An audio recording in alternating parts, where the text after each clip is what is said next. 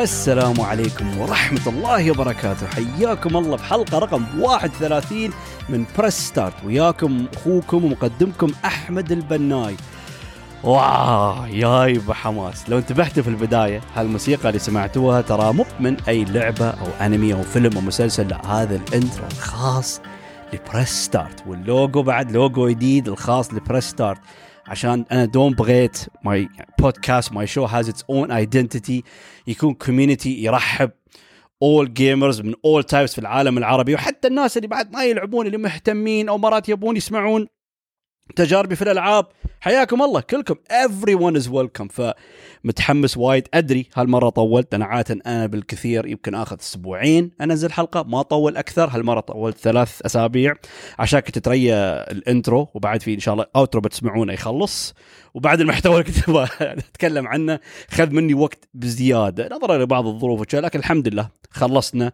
ووصلنا لهالحلقة. ويعني brand new fresh start حق البودكاست. أتمنى ال intro عجبكم وأتمنى بعد إنه يعني إني أحاول أعطي more professional more serious vibes مو serious serious يعني أنا تحسون إنه يكون يعني تسمعون شيء تعافي الناس يدشون يسمعون أوف أوه البودكاست عنده لوجو وعنده intro. wow في شوية بتحمس بيصدقون يقولوا هذا هذا شكله serious هذا شكله واحد محترف. he knows what he's talking about فيعني ممكن هالاجواء اللي بضيف فاتمنى بالعكس ال intro عجبكم ومتحمس حق بداية جديدة. الموضوع اليوم بتكلم عن رعب. خيبة كيف غيرت الموضوع؟ tone ي متحمس حابب اتكلم عن الرعب. لأن الرعب يعني horror is a very interesting matter. And يعني why people find it an entertaining thing to experience. يعني ليش الناس يستمتعون في الرعب والتجارب المخيفة وهالأشياء؟ مثلا إذا كانت تجارب في الحياة ممكن الشخص يواجه مخاوفه من ناحية الارتفاعات أو ممكن من ناحية الغواصة يخاف من البحر. أو مثلا كيف exploring لو يخاف من الأماكن الضيقه وطبعا watching movies and in our case هني playing video games فهي لأن دوم very interesting aspect ليش؟ يقول لك الواحد ليش يعني شو اسمه يسوي الأشياء اللي يخاف منها؟ يعني شو شو غبي أنت؟ ليش ليش تخوف عمرك؟ لا لا طبيعي. الإنسان يحب يعني يواجه نفسه يواجه مخاوفه ويتحدى نفسه. وممكن يجيله الشعور الأدرينالين اللي يجيله ويعني it's, it's always interesting the concept of horror and why people find it interesting or engaging صراحة. فالحين يوم أنا بتكلم عن ألعاب في مجال الرعب بنتكلم عن most common or famous thing اللي مو common هو الأشهر شيء في الألعاب اللي عندنا ال survival horror طبعا. ويوم أذكر ال survival horror كم اللعبة بتي في بالكم؟ أو مثل Resident Evil Silent Hill وطبعا Alone in the Dark الأولية اللي الناس يعتبرونها أول لعبة سوت ها ال horror ال point and click حتى مظهرها غريب مو من النوع اللي وايد مخيف شي كرتون شوية. لكن وايد ناس يعني يحترمون ويعزون هاللعبة هاي بالذات ال horror كم يعني gaming community because of what في البداية from the beginning. وطبعا عندنا Clock Tower Fatal Frame and many other games ف هالألعاب كانت ألعاب وتجارب جوهرية ممتازة جدا. لأنه ما كان بس عن والله jump scares وبس موضوع والله عندك وحش شكله يخوف أو والله عندك عنف وعندك دم. لا لا. يعني create an ultimate and amazing horror experience لأن كانوا study cases أو تجارب ممكن يدرس فيها من ناحية creating an atmosphere وممكن الرعب أنك أنت بتكون في مناطق ضيقة مناطق شيء ضيجة ومظلمة ممرات يعني ابدا ما يعني يخليك تواجه certain different phobias اللي ممكن أي شخص يواجهها. مو بس من ناحية claustrophobia ممكن الفوبيا من ناحية العنف وفوبيا من ناحية بعض المخلوقات أو بعض الأشكال الغريبة المريبة. يعني هالاشياء وطبعا شو اسمه ال stress الضخم اللي يجيك إنك أنت يجبرك في بعض المواجهات المعينة. لأنه طبعا في يقول لك يعني نوع من الرعب انه you're being forced يعني to certain encounters. يمكن في مرات أنت يعني لازم توصل لمكان لكن أنت شوي تخاف لأن تعرف هالممر في هالمكان في شيء بن كلب يشت فأنت ما تبغى تصير. فتخاف شي الله. أو بالذات لو في ال backtracking يعني خلينا نقول صرت مكان طفت وحش شي كريه خسيس. شي ها okay طفت افتكيت منه. بس بعدين تحصل item وتستوعب. shit لازم ارد له فهذا وبعد many stress يعني game elements اللي يسوي لك ال stress من ناحية ال inventory management لأنه طبعا لا اللي هو معروف in certain games اللي لازم أنت تقرر وتحدد شو تشيل معاك شو ما تشيل. يعني لازم يكون في precise inventory management لأن هالشيء كان يصيب لك ال stress لأنه ما تعرف شو تشيل ما تعرف شو تسوي أشيلها ما أشيلها أحتاجها الحين ما أحتاجها الحين. يعني ممكن في certain item أنت ما شليته بعدين صرت مكان اللي تباه آه crap I need it فشي آه!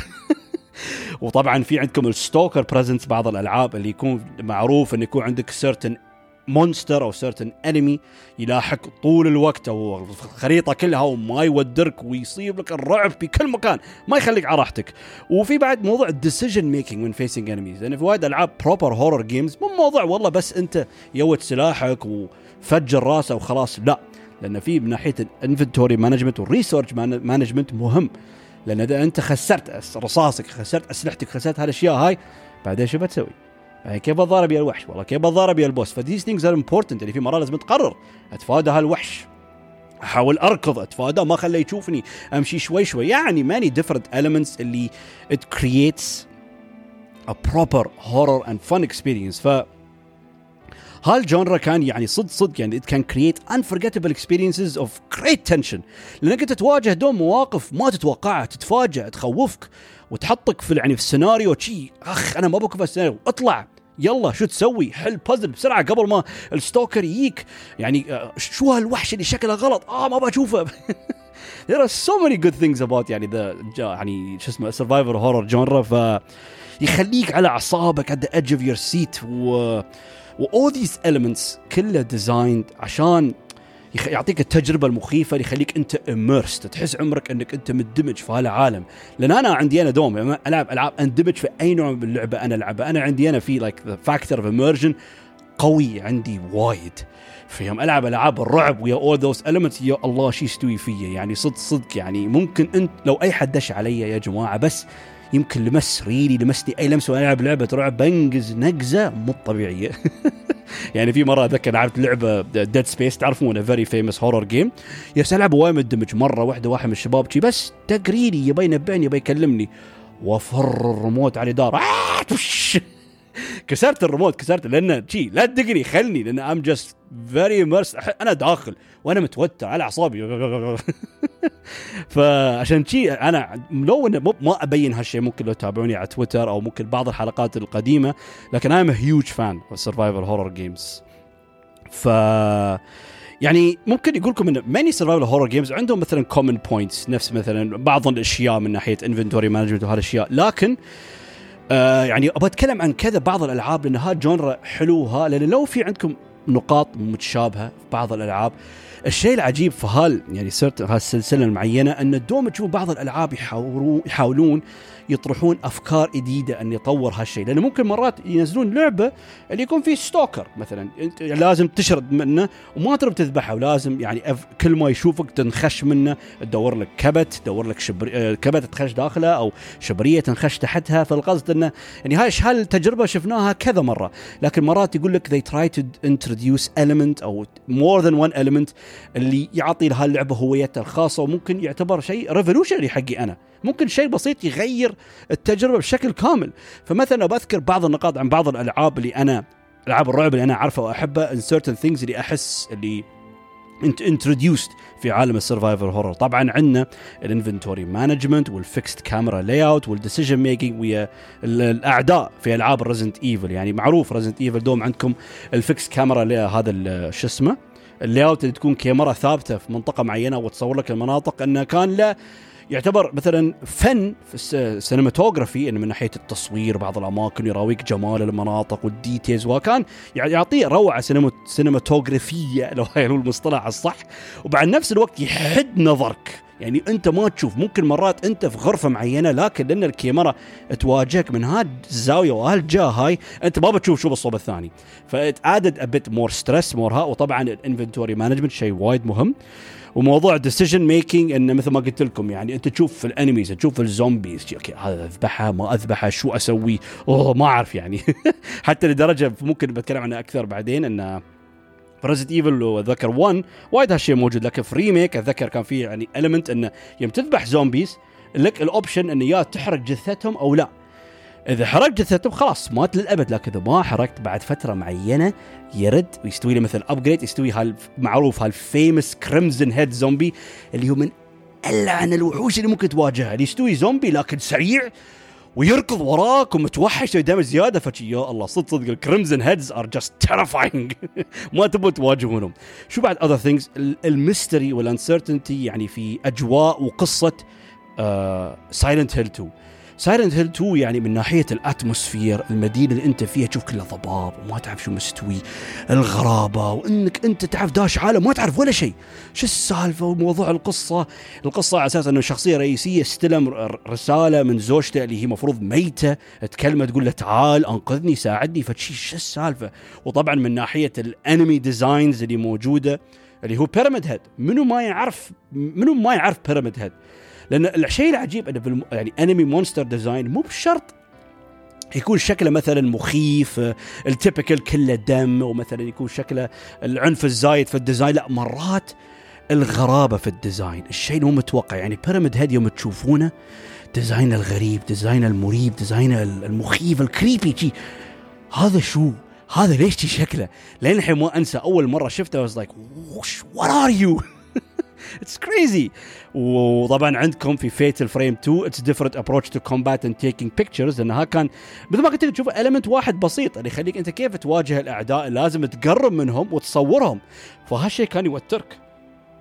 أنه يجبرك يلا get close و take a picture فجي وايد أنت تخاف يمكن ما بتروم تصور عدل وبعدين بيهجم عليك الشبح أو شيء. فيعني it's different approach حق combat فكان وايد okay. طبعا عندكم كلوك تاور's constant stalker threat لأنه وايد ألعاب طبقت ال stalker يعني إنه موضوع في شخص معين دوم يلحق. لكن من الألعاب القديمه يمكن من أول ألعاب إذا كان معلومتي غلط بعد عادي صححوني لأنه مو متأكد. لكن أتكلم اللي أنا عارفه أو من تجاربي. أنا أعرف أظن يمكن كلوك تاور اللي أول لعبة اشتهرت إنه فيها ال stalker اللي هو الحبيب. اللي mute السكينه الضخمة ويبغى يقصك نصين يلاحق طول الوقت. طبعا another element we have dead space من ناحية ال necromorphs وال dismemberment dead space وايد ناس يسمونه ريزنت ايفل in space بس الشيء الحلو فيه من ناحية ال enemies يعني ال evolution الشيء الجوهري اللي فيه من ناحية الأعداء.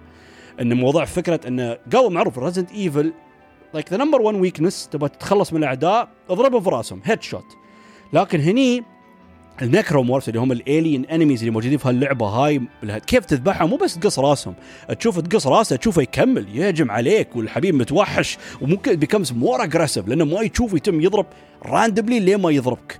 فأنت لازم تتم تقطع أجزاء جسمه لين ما خلاص يعني ما يقدر يتحرك ويموت أو what فها كان different new element حقها. وال enemies انه كيف كان دوم يستخدمون آه تمديدات التكييف هذا شو اسمه الف الف هذا ال air ducts وهالاشياء يخشون فيه وحتى في certain parts they play dead تقرب منه تشوف واحد طايح ميت من تقرب منه وحاش ينقز عليك خيبر شو؟ فها بعد كان فهل okay في these things وبعد عندكم ال night vision mode في اوت لاست لأن اوت لاست لعبة كل شيء دوم ظلام. فكان ال element ماله إنه دوم وياك كاميرا لها night vision وكان شيء يخوف لأنه لو خلص عليك ال battery للكاميرا ما عندك night vision فما بتشوفه شي دوم على أعصابك. وهذا يعتبر another version of resource and inventory management يعني طرحوها في هاللعبة هاي.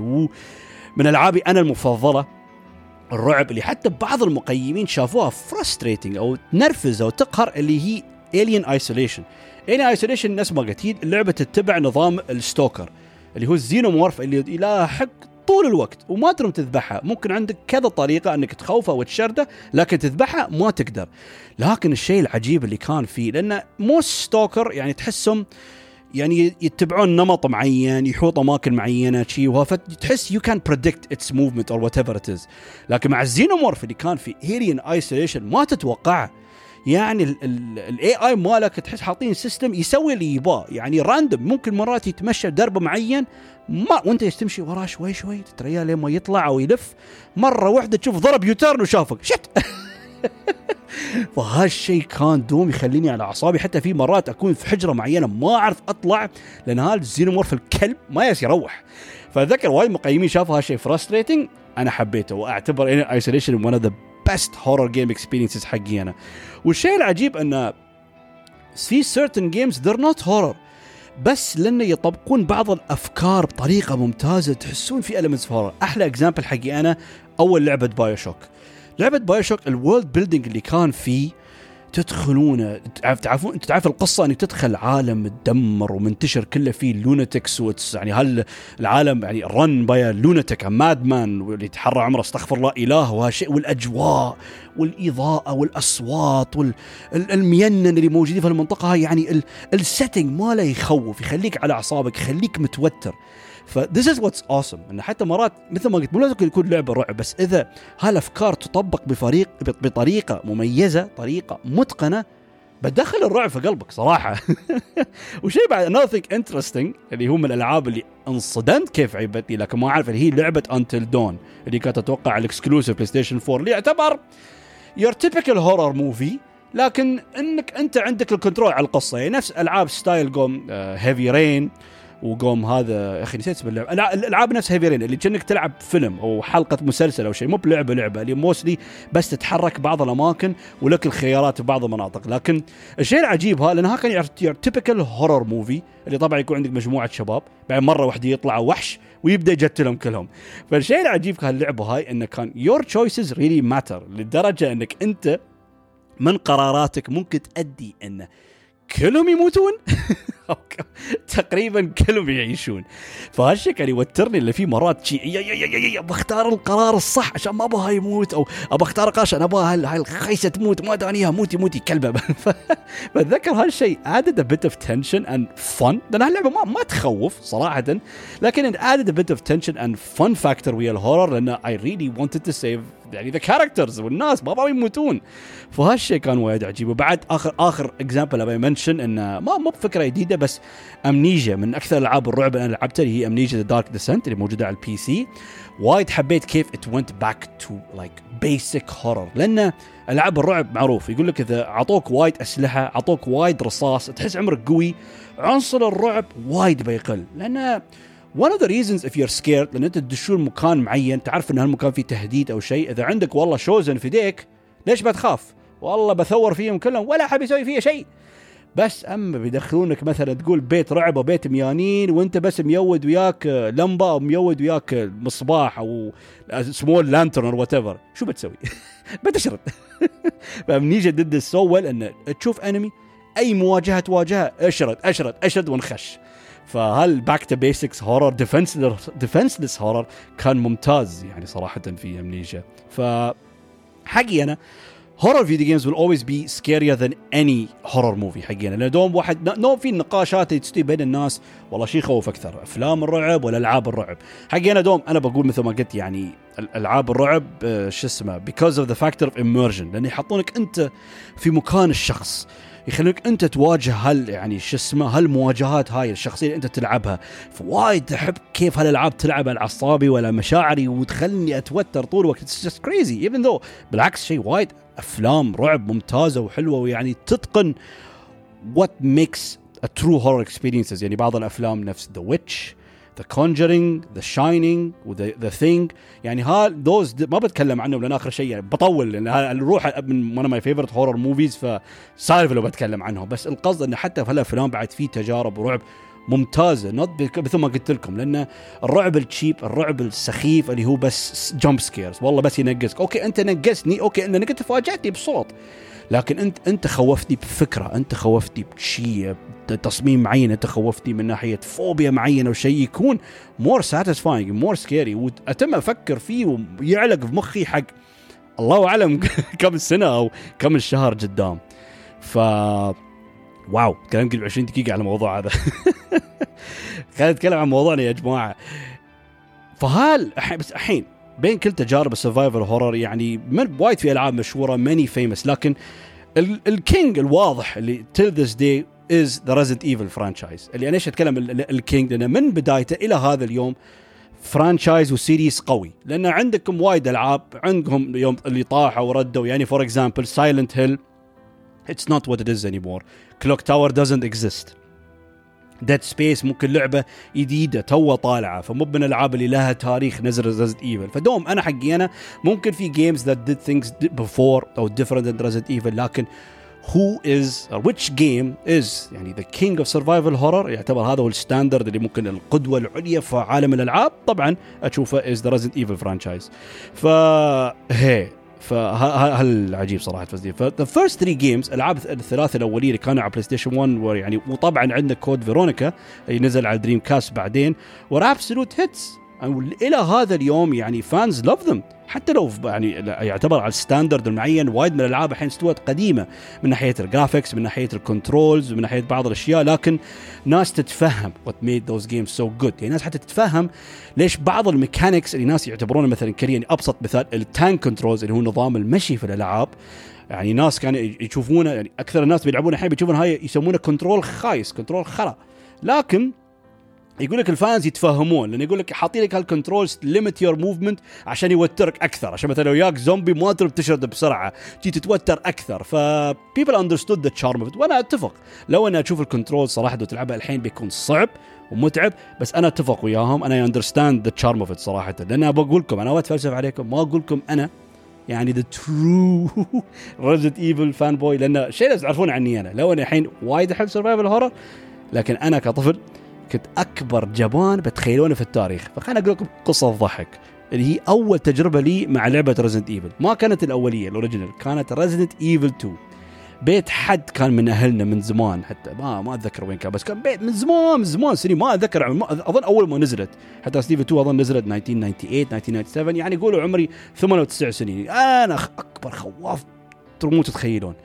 شغلوا اللعبة أنا يا طالع حتى ال opening المشهور المعروف Resident Evil يعني يوم ليون شاف كلير بعدين وصلوا المدينة وسيارتهم انفجرت بعدين انفصلوا. وأنا يا أشوف ال zombies وأشوف الأصوات وأشوف الدم وأشوف كيف يتحركون. يعني شيء ما حاس بخوف حاس برهبه شيء خيب أنا شو أشوف؟ حتى أتذكر نفس اليوم رديت البيت في الليل.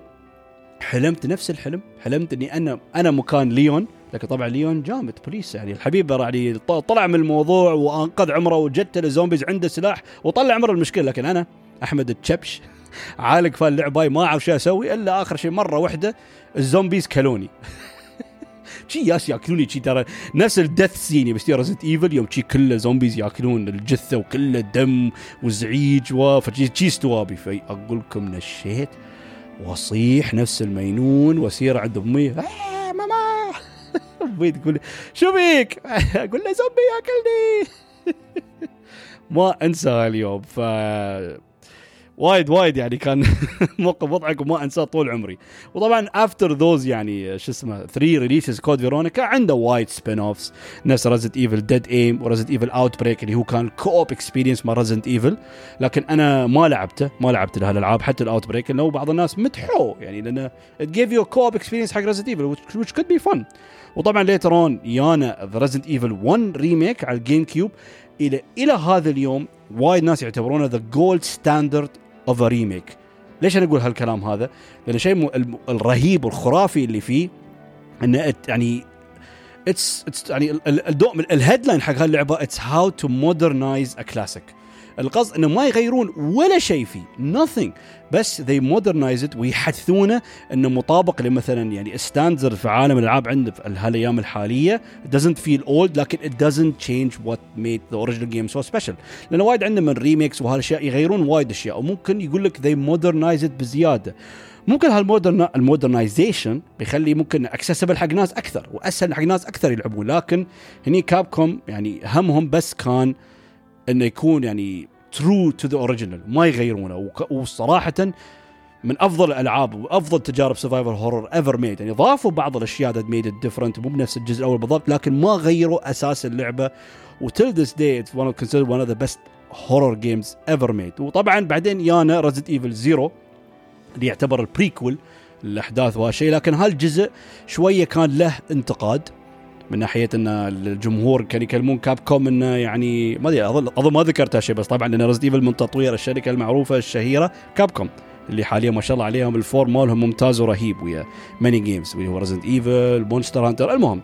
فهني كان في وايد انتقادات انه كانوا يخبرونهم زين يا جماعة يلا it's time to change بالعكس إحنا نعرف الفورميلا مالكم نعرف ألعابكم بس يلا مو بكنا وقت الحين لازم نغير تسوون شيء جديد وهذا ف yeah was important فهذا leads us to القصة المعروفة المشهورة جدا عن التطوير الطويل ل Resident Evil 4 لأن الناس اللي ممكن ما يعرفون عن هالشيء لأن كان عندي فكرة عنه لكن طبعا سويت research أكثر لأن غير أن التطو... مدة التطوير كان يعني فعلا فعلا وايد طويل it was very messy. لدرجة انه يقول لك كان the game had four different builds. يعني four different builds ما يعرفون ويا أي build يمشون بالضبط. وحتى ال builds كانوا وايد مختلفين. حتى في certain يعني gameplay elements one of the builds موجود اللي هو مختلف تماما عن Resident Evil شو اسمه what what Resident Evil came after on ف it was crazy. موضوع تطوير Resident Evil 4 إنه ما كانوا يعرفون شو يسوون لأن كانوا ما يب ما يبون يخربون السلسلة. يبون يغيرون يبون توجه جديد لكن نفس الوقت they make an amazing fun game to play and stays true to what Resident Evil game is. لكن الشيء العجيب إن هال mess اللي استوى موضوع four different builds مو بإنها كانت كارثة. لأن من هال four builds طلعوا لعبتين. منهم لعبة اسمها Haunting Grounds أنا ما لعبتها أظن هاي كانت لعبة على ال PlayStation 2 لعبة رعب بعد طبعا لأن آخر شيء build حق لعبة رعب. واللعبة الثانية ال very interesting أنا يعني اتذكر سمعت عنها لكن الحين أكدت على المعلومة هاي one of the builds was أول جزء Devil May Cry هي.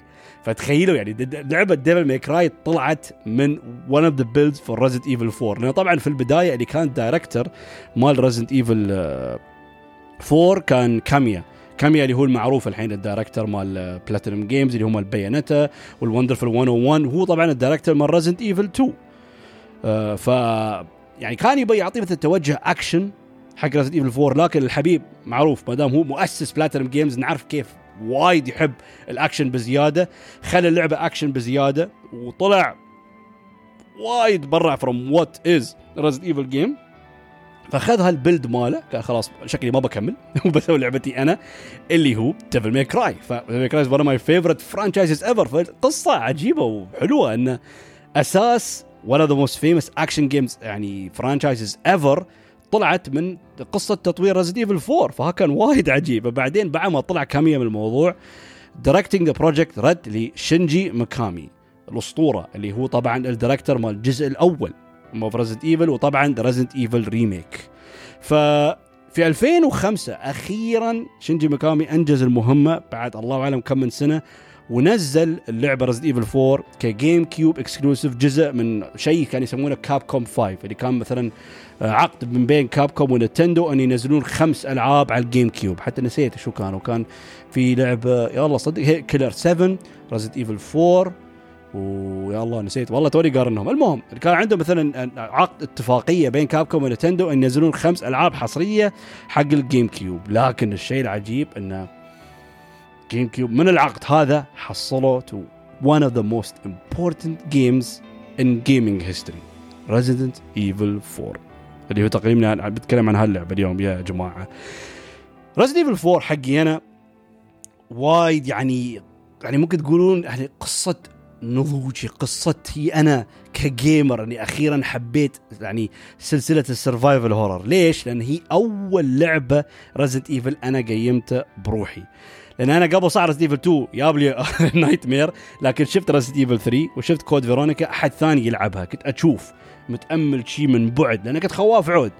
ف Resident Evil 4 أتذكر شيء يا أخي يوم نزلت على ال GameCube وأنا كان عندي GameCube يا أخي قلت يلا شو اسمه؟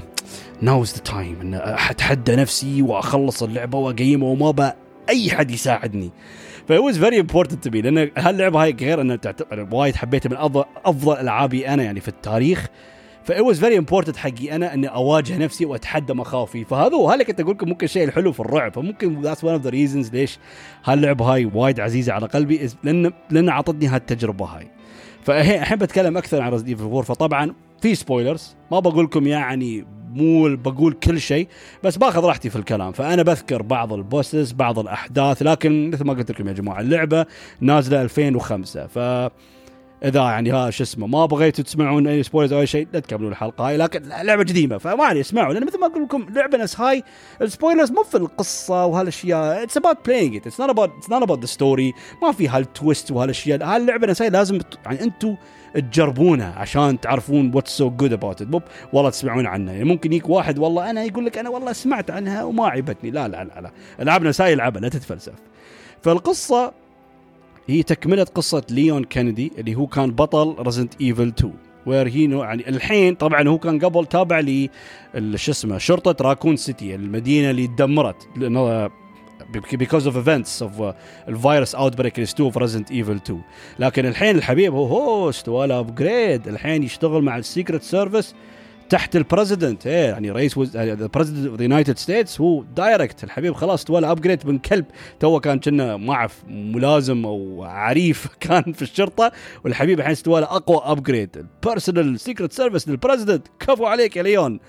وأول مهمة له كانت إنه لازم يتجه لدولة أوروبية غريبة. يعني they don't mention any name or anything. أي منطقة it's just a European يعني country.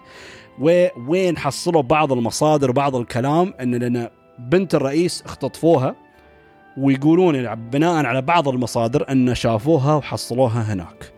فهي بداية أحداث قصة Resident Evil 4 أول شيء بتلاحظون أول ما تلعبوا Resident Evil 4 اللي هو الكاميرا perspective لأن دوم عندكم ألعاب Resident Evil التوجه مالهم الفني من ناحية كيف تشوف اللعبة كيف الكاميرا. الكاميرا دوم ثابتة في زوايا معينة وما تتحرك وكل ما تنتقل لغرفة ثانية غرفة أخرى الكاميرا تتحرك لزاوية ثانية. فكان كلها هال fixed camera angles لكن Resident Evil 4 again ما أعرف إذا أول لعبة سوت هالشيء لكن I do believe هم أتقنوها بطريقة ممتازة وما حد سوى نفسهم اللي هو يعتبر the third person perspective اللي هو مو first person يحطك أنت بوجه الشخص لا. third person اللي يعتبر مثلا نوعا ما أو انه المسمى أن شخص ثالث واقف ورا ال main character ويصور يعني ال vision ماله يصور شو أمامه وهالشيء فها كان يسمونه the third person perspective فها كان one of the main reasons ليش كانت Resident Evil 4 لعبة أسطورية. لأن خذ هال perspective الجديد وخلاه standard حق many games action action action adventure games نعرفها هذه وحتى وايد من الألعاب اللي حصلت games of the year منهم يعني ما أعرف إذا فاز بس المهم يعني في examples of amazing games عندكم Gears of War The Last of Us God of War Dead Space يعني كل هالمنظور هال perspective كله مأخوذ من كيف Resident Evil 4 أتقنوا هالفكرة هاي وبينوا إن هال perspective يعتبر ممتاز وجامد حق لعبة يعني shooting أو لعبة اكشن فوايد أوكي. واللعبة طبعا visually أنا أتكلم الحين قبل أتذكر يوم لعبتها في 2005 لما نزل على ال GameCube يعني visually وال art direction كان ممتاز. وإلى هذا اليوم يعني حتى ال version مال GameCube اشوفه still looks great still holds up يعني تعتبر العاب اللي يعني مثلا ال graphics ماله والتوجه الفني timeless that you can play it today and still enjoy it وبعدين تمشي أوكي هذا أول شيء تلاحظونه في اللعبة تمشون شوي شوي تدخلون داخل البيت. بعدين تواجهون أول عدو. لكن لحظة لحظة لحظة. هالعدو ما كان زومبي؟ شكله كان صاحي. مو بصاحي يعني تحسوا في شيء غلط حس الحبيب مينون مينن. لكن شخص بشر هيومن يقدر يتكلم يقدر يفكر كشخص عادي وكان يقدر يستعمل سلاح. لأنه يوم تدش عليه تسأله انت شفت صورة بنت الرئيس هاي اللي اسمها اشلي شفته مكان معين أو لا تم يهذرب بالاوروبي أو إسباني؟ أظن هو إسباني one of many من اللهجات الإسبانية كانت موجودة. ياس يتحرطم عليك ومرة واحدة يحاول يقص راسك بفأس. بعدين تذبحها لكن حتى يوم أنتم كليون تقربون منه تسوونه inspect شي ليون يقول هذا مو بزومبي شو موضوعه؟ ف يعني شو اسمه وطبعا يوم لعبنا هذا الشيء لاحظت انه كيف التوجه ترى بعد ال encounter هذا انه بعد ما ذبحتوا هالشخص في البيت تشوفون في بعض الأعداء يهجمون عليكم ويحاصرونك في البيت اللي أنت موجود فيه. كان يمكن ثلاث أو أربع أشخاص. فهني لاحظت أول تغيير يعني غير ال perspective طبعا تغيير ثاني ضخم موجود في اللعبة كيف توجهها للأكشن وايد زاد لقبل. لأنه هو معروف صح؟ يعني ألعاب Resident Evil عندكم الأسلحة عندكم الأكشن وعندكم الأسلحة المختلفة وعندكم والله الرشاش عندكم بازوكا عندكم grenade launcher هذه الأسلحة كلها موجودة. لكن ما كان ال approach ماله اكشن نفس يعني الشعور اللي شعرت فيه أول ما لعبت Resident Evil 4 ف طبعا أنا يوم قبل كنت ياهل أنا ما ما كنت أفكر في هالشيء. كل شيء كان يخوفني. أنا مو مصدق جالس ألعب Resident Evil يعني بس كنت أعتبر يعني أكثر لعبة تخوف في التاريخ. لكن الحين لأن مقيم اللعبة أنا كذا مرة أتذكر يعني حتى قيمته يوم نزلوا على ال PS 4 version يمكن أنا يمكن لعبته قبل سنتين أو سنة ونص تقريبا. يعني أتذكر يوم كنت ألعب اللعبة هاي كنت جالس أفكر إنه يعني من ناحية إني كنت worried but شوية كنت متضايج إنه ممكن التوجه شوي اكشن بزيادة. لأن مثل ما قلت لكم ها كانت ثاني مرة ممكن أنا ألعبها. حتى مو PlayStation 4 ناسي يا أخي بس أنا لعبته مرة ثانية. أظن على ال GameCube لعبته مرة ثانية بس بعد ما كبرت شوية أنا بديت أفهم هالنقاط هاي أفهم elements of game designs وهالأشياء. فذاك يوم ألعبها وكنت ناسي my first experience شو اسمه يوم لعبته أول ما نزلت كان عمري 15 تقريبا. فأتذكر قبل كنت أقول عمري والله لعبة تخوف لكن لعبتها مرة ثانية كنت أشوف زين بس يعني الرعب وايد قل والأكشن وايد زاد. ممكن هاي مشكلة؟ ما هالشيء أتذكر كان يخوفني. فقلت ممكن يعني خلاص ابدا ما في أي نوع من رعب في اللعبة. وش اسمه؟ آه هالفكرة تغيرت تماما ونهائيا يوم توصلون ال village القرية اللي يعتبر يعطينا one of the most most يعني من أشهر افتتاحية أي ألعاب في التاريخ. لأن شو يستوي تدخل عمرك أنت في هالقريه هاي تضرب لك شخص شخصين تذبحهم لكن بعد تلاحظ مرة واحدة بدوا يطلعون out of nowhere يعني تشوف ياس يحاصرونك ياس يطلعون يعني ياس يواجهونك كل مكان ولا يعني شو اسمه ويحاصرونك وأنت تدخل داخل بيت ويوم وراك و يعني they cover all doors وال windows وشي خيبة خيبة شو هالتوتر شو السالفة؟ what's going on وبعد عندكم لأن ال controls ف Resident Evil 4 كان شوية مشابه لل controls مال Resident Evil 2 اللي هو يسمونه ال tank controls اللي الحركة مو perfectly fluid وما عندكم الحركة ال full free movement ال movement لكن كان يعني أفضل من ناحية third perspective لأن كان ال shooting شوي أحسن لأن ال vision مالكم أحسن. أنتم تشوفون اللي قدامكم فكان الأكشن متقن أكثر. شكرا لهال perspective هذا طبعا. وش اسمه؟ فهال opening scene يعني انت تشي تقول يا أخي يا جماعة ما يخلصون. شو يعني شو السالفة؟ هذا ال segment لازم أشرد مكان أسير مكان معين تشوف عمرك. shit ماشي مكان. هالبيبان مقفولة؟ وين أسير؟ بعدين تدش داخل باب ويستوي cut scene مرة واحدة يبند الباب وبتشوف الحبايب يصير يخططون ويحاصرونك. بعد مرة واحدة يابا واحد عنده من منشار شي well what is going on فكان توتر مو طبيعي توتر خرافي. فأنا هني عرفت إن شو اسمه okay صح إن شو اسمه ممكن ال horror aspect وايد قل لكن يعني المواجهات الاكشن كانت مثيرة جدا كانت وايد intense كانت تخلني على أعصابي. حتى اتذكر يوم خلصت هال encounter هذا أوف يعني عرقت يا ريال من كثر ما توترت حتى يوم تخلصون هال part هذا انه لازم you survive حق وقت معين. ي survive حق وقت معين ف يا أخي وتشوفون ال enemies aggressive يركضون صوبك يستعملون أسلحة يفرون أسلحة يستخدم يستخدمون ladders وبعد يجيك واحد يا منشار فيعني شي okay الموضوع تغير. this is totally different فنحن اتذكر حتى يوم شي خلص يعني لا لا the point is لازم ي survive حق وقت معين بعدين خلاص أنت خلص. حتى يوم تخلص شي يطلع لك اسم Resident Evil آه okay so this is what Resident Evil is now فلدرجة من كثر ما هال opening sequence كان وايد طر وايد مميز حتى لدرجة Resident Evil Village حاولوا يقلدون هذا الشيء بالضبط في بدايتها اللي هي Resident Evil 8 إنه قلدوا هالبداية هال opening sequence اللي يتمون يهجمونك ويحاصرونك كل مكان في البداية ولازم تعيش حق فترة معينة أو تذبح عدد معين من ال enemies بعدين خلاص تطلع من المكان. ف it's incredible حتى Capcom يدرون كيف هال part كان معروف. it's وايد طر وايد okay فحاولوا يسوونه مرة ثانية ويا Resident Evil Village ف وحتى ال setting لأن دوم عندكم في ألعاب Resident Evil الجزء الأول كنتوا في ال mansion. طبعا الأجواء كانت مخيفة ومرعبة من ناحية الأماكن الضيقة من ناحية التصميم المخيف ال creepy للبيت وعندكم طبعا ال police department اللي كان Resident Evil 2 وعندكم مدينة Raccoon City اللي كان Resident Evil 3 يعني الأجواء هني مختلفة تماما اللي هو يعتبر setting uh, وايد قوي very strong setting that sets the tone for the game فيحطونكم in very creepy European village setting يعني إن أنتم يعني تحسون لكم شعور الوحدة ال isolation في المنطقة هاي. ما تعرف شو السالفة؟ في شيء غلط في شيء غلط في الناس لكن أنت you have no idea what's wrong حس هل هم يعني they're being controlled في حد منو قائدهم؟ منو يس يقول يسوون هالأشياء؟ يعني okay they're normal they talk يستعملون أسلحة يهجمون عليك وتحس يخططون ويحاصرونك لكن في شيء غلط فيهم. فهذا الشيء كان الشعور of uncertainty اللي أنت ما تعرف شو السالفة كان يوترك ويخوفك فكان شعور ممتاز وعجيب صراحة. ف وطبعا اللعبة divided into 3 main areas الثلاث مناطق الرئيسية اللي هو عندكم ال village وال castle وآخر شيء الجزيرة اللي هم يعتبرون مثل military أو military lab camp أو شيء. طبعا أول منطقتين اللي هم ال village وال castle يعني كانوا ممتازين من ناحية ال setting من ناحية الأجواء ومن ناحية ال design كان وايد okay. ال island مو بوايد في certain things صراحة نخلي ال island مميز حقين لكن بشكل عام it didn't feel as special as the village and the castle لأنه كان وايد creepy وايد setting كان unique and iconic حق Resident Evil 4 فاتذكر اتذكر يعني شو اسمه إن هذا شو؟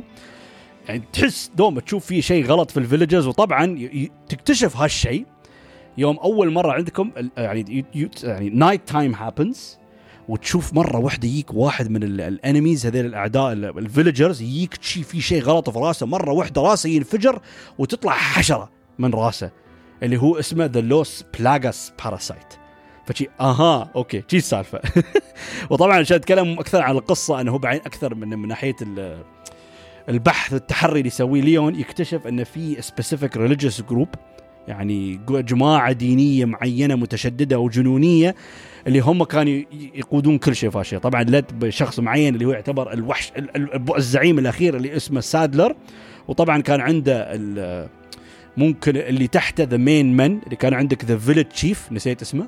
أظن اسمه مندز اللي كان قائد الفيلج وطبعا كان عندكم سالازار اللي هو كان المسؤول عن ال castle فهذيلا كانوا على أساس القصة هني ال twist اللي كان غير إنه قبل كان كله zombies فحين اكتشفت إنه لا عندكم هال villagers لكن ها سادلر وجماعته they infected everyone ويا هال parasite هذا. وهال parasite هذا طبعا شكله اعطاهم قوة معينة. إنه يتحملون يعني طلقات وما يموتون بسرعة. وطبعا بعض الحالات إنه يعني يوم تحاولون تذبحونهم هال parasite يطلع منهم؟ وحتى هال parasite يعني يضيف new element إنه هم يهجمون عليك ويضربونك ويعني ويكون more aggressive towards you فهالشيء كان cool إنه حتى معروف دوم في ألعاب Resident Evil القديمة دوم تضرب headshot عشان تذبح الشخص. أما هني الحين في Evil 4 مرات تضربونهم headshot ما يموتون. أنت لما فجرت راسه ال parasite بيطلع وبيطلع له إيد ثالثة إيد رابعة مثل سيف ويتمون يضربونك من بعد ومرات يطلع له وحش عود مثل حلج عود يبغى ياكل راسك يعني. ف it was a cool twist انه تعرف إنه okay قبل ما تعود Resident Evil القديمة يعني صح إنك ما تربط تصوب لكن ال headshot يكون قاتل يكون lethal يخلص عليهم. لكن هني لا. ضربته في راسه راس انفجر من وقت ال parasite بيطلع. فهكا موضوع أحداث القصة إن سادلر وجماعته they infected the villagers with this وهم حصلوا قدرة انه يتحكمون عليهم انه يعني أي حد في ال parasite يروم سادلر يروم يتحكم فيهم ويعطيهم أوامر ويسمعون كلامه. ف فوايد وايد وايد شيء ممتاز. فحتى أتذكر يوم أنا قربت من وصول نهاية يعني أول area اللي هو ال village بديت أستوعب the charm of this game يعني شو يميز اللعبة هاي؟ لأن لازم لازم أكون صريح. ال horror نزل. ال horror يعني؟ قل مقارنة للألعاب الأولية ل Resident Evil. لكن ال action encounters كان وايد مثير وايد tense وايد يخليك على أعصابك. حتى شي شعر إيدك يوقف من كثر ما شي أخ تتوتر. ف يعني especially ال encounter design ليش؟ الحين بقول لكم ليش. لأن تذكرون لعبة Doom ال reboot 2016 It was amazing. It was an amazing reboot. اللي أعطانا يعني one of the best action experiences في تاريخ ال first person shooters thanks to يعني shooting بن كلب shooting رهيب.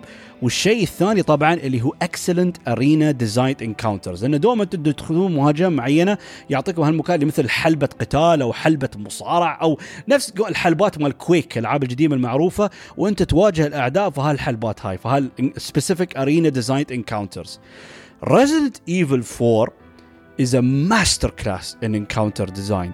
والله يا جماعة شيء مو طبيعي شيء أسطوري. يعني it blew me away كيف كل ما أدخل منطقة جديدة أو مكان معين في كل ال areas عندكم يعني في ال في ال village وفي ال castle وفي ال island There are so many different encounters. حسيت عمري يعني صدق ما كان في encounter معين أتكرر. شو أقصد؟ يعني layout المكان كيف الأعداء يهجمون عليك من وين يجونك كيف يحاصرونك يعني كل مرة يعني شو اسمه؟ there's something different. يعني about the encounters يعني how the enemies come to you. كيف ال maps open مفتوح يفتح للناس انه شو اسمه لهم كذا لهم كذا طريقة ال enemies انه يوصلونك يهجمون عليك يحاصرونك أو يجونك من ورا ويسووا لك كمين. يعني it's always different always so cool. فيعني لأنه صح إن أغلب الوقت إن أنتم تواجهون ال normal villagers اللي كانوا يسمونهم the Ganados أظن.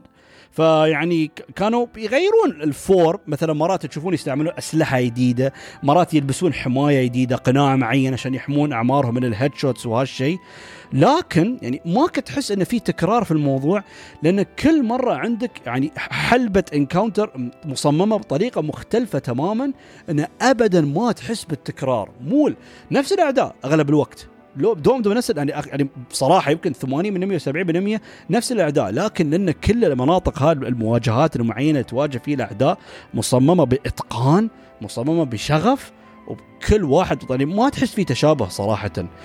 ف it just it was it was so good.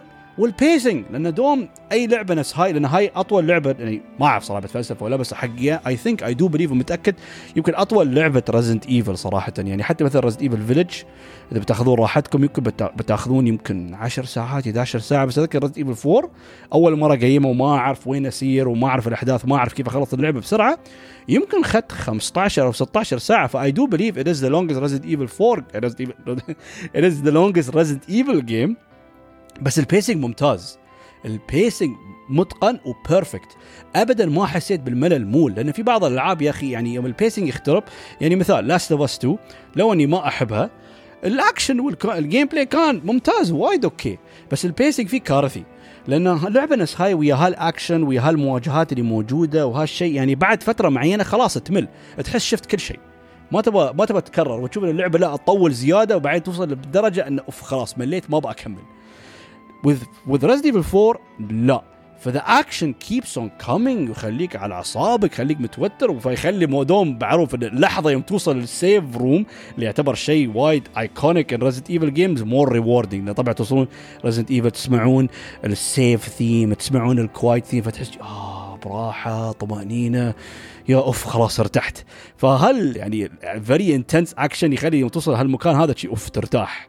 بس ما أقول لكم طبعا ما يكون في اختلاف الاعداء في Resident Evil 4 لأن يوم يكون في اختلاف لو أنه مو بوايد واعترفها ممكن أتمنى كان ممكن يستغل أكثر أو يستخدمون أكثر هالاختلاف it was still amazing الاختلاف. يعني طبعا عندكم المستخدمين ال chainsaw اللي كانوا يوترونك لدرجة ما تتوقعون لأن ما يموتون بسرعة ويذبحونك بضربة واحدة فتخيل واحد جاينك بمنشار فجيت لا لا لا لا لا لأن إذا ضربت يقص راسك. one hit وطبعا عندكم هال invisible bugs لأن في جزء معين اللي موجود في ال castle اللي في عندكم هالحشرات اللي يختفون وما تشوفونهم. لين الحين أتذكر أول مرة دخلت المجاري أسمع أصوات شيء يمشي شي خيبة شوها بعدين مرة واحدة أشوف أول مرة العب أتكلم عن أول مرة ألعب اللعبة. الشيء يهجم علي وينقز علي كنت shit هم وين طلع؟ بعدين تستوعب إن هم عندهم قدرة إن يدرون يتخفون وش اسمه ين ينخشون. ف ذكر وايد وتروني أول ما شو اسمه شفتهم. وطبعا عندكم الكلاب المعروفين شو اسمه في آه، ألعاب Resident Evil مو بأن هذه enemy that لكن في twist انه في بعضهم ويكون فيهم ما بعض لا كلهم أظن يكون فيهم ال parasite فيكونون more aggressive more شي يعني تعرفون يوم تبون تذبحون بعدين ال parasite يطلعون من ظهرهم مثل في بعض الأطراف الحادة تطلع ويضربونك من بعد فشي كان شوية يلوع بالجبت. وفي عندكم طبعا الأنمي المشهور اللي في الكاسل اللي هو الوحش العمي. أتذكر كان وايد يوتر لأنه يقدر يذبحك بضربة واحدة فأنت كنت لازم تحاول تلهيه بالأصوات مثلا تطلع صوت مكان معين بعدين تشرد لأن لازم تضربه على ظهره لأنه هو كان طبعا يموت يعني كان ياخذ وقت وايد عشان يموت لكن عنده certain weak point على ظهره إذا ضربتوه يعني هالمكان كذا مرة بيموت لكن كان وايد يوتر. وطبعا أكثر شيء ما بنساه ال terrifying regenerators أنا هذا كنت أبغى أذكره. ال island أقل مكان أنا أحبه. ما أحب هالمكان صراحة يعني لأن حسيت ال village وال castle كان يعني more iconic more unique فال island حسيته شي بليخ يعني typical شي military camp وشي حتى الأعداء تصميمهم شي لابسين لبس شي جنود وها. ما ما, ما يعني ما, ما كان لين هناك. لكن ال regenerators لين الحين ما أنسى أول مرة واجهتهم. يا الله كان شيء يخوف. شو هم ال regenerators صدق صدق حقنا يعني one of the most terrifying enemies ever in any game. نوع من enemy اللي هو يعتبر ممكن آخر تطور لل parasite أنا ما أعرف شو سوى. خلقه مثل مخلوق غريب وعجيب أنا حاطين فيه. ما أعرف كم من parasite وما يموت. يعني أول مواجهة أنت تواجهه تكتشف إن هذا ما يموت وكل ما تقطع شيء من جسمه يرد يعني يرد هالقطعه من جسمه بسرعة يعني في they're called regenerators. فتقص إيده تقص ريله تقص راسه يسوي regenerate بسرعة. فشي تستوعب إن ال shit ما يموت. حتى موسيقته يعني تسمع موسيقته وايد تخوف وايد توتر ودوم طول الوقت يطلع صوت معين. يعني حتى يعني هو هو جاي إنك يمشي شوي شوي ويا هالصوت هال wheezing هالشي يعني ما أقول لكم أكثر بس أنتم بس just Google تصور the regenerator wheezing from Resident Evil 4 والله شيء مرعب. فطبعا بعدين as you play the game تكتشفون في طريقة معينة عشان تذبحونهم لكن لين الحين ما أنسى أول مرة واجهتهم وما يموتون ما أعرف كيف أذبحهم. فشي شو ها؟ يا الله. ف وإذا قربت منهم وايد مرة واحدة ينقز عليك ف أوه والله وايد يخوف. فال regenerators are just so good لأن مثل ما قلت لكم هو حل هال island. اللي مره أكره هال island لأنه هم هناك. وحسيت أبغى أكثر منهم وكنت أبغى even more encounters ويا ال regenerators صراحة. ف الحلو إنه بعد في يعني اللعبة عطوا ممكن حق شخصية ليون إنه عطوه مثلا شو اسمه ال action hero approach. يعني قبل تحسونه شيء مسكين الخايف الشرطي توه بادي أول يوم له في آه، يعني مركز الشرطة في مدينة راكون في Resident Evil 2 تحسونه ممكن خايف متوتر هنا شوية شايف نفسه والحبيب يعني he's capable he's strong he كان fight حتى لدرجة إنه في some things يراويك إنه يعني ال developers ما خذوا everything seriously في اللعبة لدرجة إن ترومون لو ضربتوا مثلا سويتوا stun حق ال enemy ترومون تشوتونه تسوون مثلا شوتة كونغ فو أو كاراتيه ترومون تسوون suplex يعني حق ال enemies. فهال certain parts يعني كان حلو لأنه because the game knew itself didn't take itself seriously في بعض الأشياء فكان وايد ممتع. يعني حتى من ناحية ال dialogue يعني من ناحية الحوارات. ليون كان وايد cheesy بزيادة بس was done very well. يعني الناس أول part مثل ما قلت لكم هالمكان يوم أنتم محاصرين في ال village يوم كل حد يشرد ليون يقول ها وين صاروا الجماعة؟ يلعبون بينجو؟ يا الله يا سخيف. لكن it was done very well. لأن مثل ما قلت لكم اللعبة هاي it is serious it is tense. لكن في certain parts it has fun with itself. عارفه عمرها إن اللعبة مو وايد serious فشي طز عادي I'll just have fun يعني. و Resident Evil 4 بعد معروفة. وهي ال quick time events لو أن هذا ال quick time events اللي مرة واحدة مثلا يقول لك يعني يطلع cutscene معين حتى كان موجود في ألعاب God of War cutscene معين دق مربع دق مربع دق مثلث دق مثلث عشان تغلب boss معين أو شيء فهالشيء كان موجود في Resident Evil 4 مو وايد وايد يعني تحس الكمية كانت just right صح إن هالشيء ممكن يعتبر مو بوايد popular حاليا الناس ممكن ما يحبونه وايد لكن قبل في 2005 يوم نزل كان يعتبر شوي interesting وأنا وايد حبيت كيف طبقوه لأن وايد من المرات يستوي في cutscene فشي يستوي لازم أنت طول الوقت على أعصابك طول الوقت جاهز. لك بعض الناس يقول خيبة زين برتاح زين زين. لكن حقي أنا عيبني. إن تشوف لأن عادي مرة واحدة تشوف cutscene فجاه يطلع لك quick time event ها يلا. بالذات أنت تقرب من boss حط ببالك. صح ترى يكون عندك ال cutscene قومة تتضارب ويا ال boss لكن في هال cutscene أنا اكد لكم بيستوي كم من شيء فخلكم جاهزين امسكوا رموتكم ولا تودرون. أنا بيستوي شيء وال bosses كانوا يعني شو اسمه؟ وايد وايد وايد. okay صراحة يعني سادلر ال boss الأخير واللي عندك مثل ما قلت لكم ال main henchmen اللي كانوا عنده وال thrilling action encounters نفس ويا عندكم ال sea monster وعندكم هالوحش العود اللي كان شي مثل شكله troll شي كبير. فهال encounters يعني كانوا وايد action focused كان وايد مثير للاهتمام اللي لازم شي يعني بسرعة بسرعة shoot down enemy. يعني حتى ال sea monster fight كان وايد حلو لأنه مختلف إنكم راكبين boat معين حتى تمون تفرون عليه على ال monster harpoons. ما تستعملون سلاح معين تمون تفرون عليه harpoon لما يموت يعني. وإنه تعرف طول الوقت هو يسحبك وأنت على قارب ولازم تلف يمين يسار عشان ما تدعمه وما تطيح يعني في النهر. ف was awesome exciting فهذا كان ممكن نوعا ما اللي كانوا ال action focused bosses وعندكم مثل ما قلت لكم the main henchmen اللي تابعين لسادلر يوم يطلعون قدراتهم ال parasite اللي داخلهم أشكالهم شوية شي creepy وتلوع بالكبد which was cool صراحة. هذا يعتبر بعد نوع من أنواع ال horror هال ال design المقرف ال design الغريب اللي مو متعود عليه. يعني شوي يلعب أعصابك يوم تشوف ال enemy أو وحش معين يهجم عليك بهالهيئة وبهالشكل. بس طبعا كان في عندكم بعض ال bosses اللي وايد مخيفين لأن سالازار كان عنده مثلا شيء مثل بودي جارد كان عنده اثنين ف one of the boss fights is one of the bodyguards والبودي جارد كان وايد يخوف لأن شيء وايد قوي ما يموت. وطول الوقت يركض وراك ينخش يعني في السقف ومرة واحدة شي يتم يضربك out of nowhere فوايد في quick time events وطول الوقت انت شي تركض تسمع صوته شك شك شك يركض وراك. ف يعني مواجهات توتر. وبعد في مواجهة ثانية بعد نفس الشيء موجود في ال island ويا وحش كان يسمونه it ما أعرف شو اسمه صراحة كان شكله بعد مقرف جدا اللي تتضارب وياه في maze معين. صح إنه بعدين في phase 2 تتضارب وياه normal boss fight that wasn't that special حقي أنا لكن هالجزئية اللي كان في ال maze اللي لازم تضربه وتشرد منه وتطلع من ال maze بسرعة وكل شوي ينخش يصير في سقف ال maze ويحاول يضرك من فوق. يعني هالمواجهة كانت توتر. وايد وايد okay. فعندك يعني مو بس ال bosses اللي كان وايد action focused لا في هال bosses اللي كانوا يخلونك على أعصابك كانوا يوترونك كان يعني وايد وايد عجيب وايد ممتاز. وشيء مهم لازم اذكر ريزدنت ايفل 4 is اشلي اشلي طبعا بنت ال president لازم تنقذونها. لأن هي يعني مو بجزء ضخم ممكن نوعا ما 50% of the game هي تعتبر ال companion أو يعني ال escort يعني اللي لازم تنقذونها وتحمونها طبعا في اللعبة. ففي ال video game world escorting missions معروف إنه مو بوايد okay لأن أغلب الحالات يا ال escort اللي وياك أو ال companion المرافق اللي وياك يا يكون مزعج أو غبي وما ما منه فايدة ما يسوي أي شيء. لكن في some certain يعني examples for example ناس اليزابيث في بايو شوك انفنت إن هي مفيدة تساعدك يعني في لقطات تفرع تعطيك أسلحة تعطيك رصاص. وفي example نفس في اشلي في ايفل 4 إن هي مو بغبية وما تنرفزك.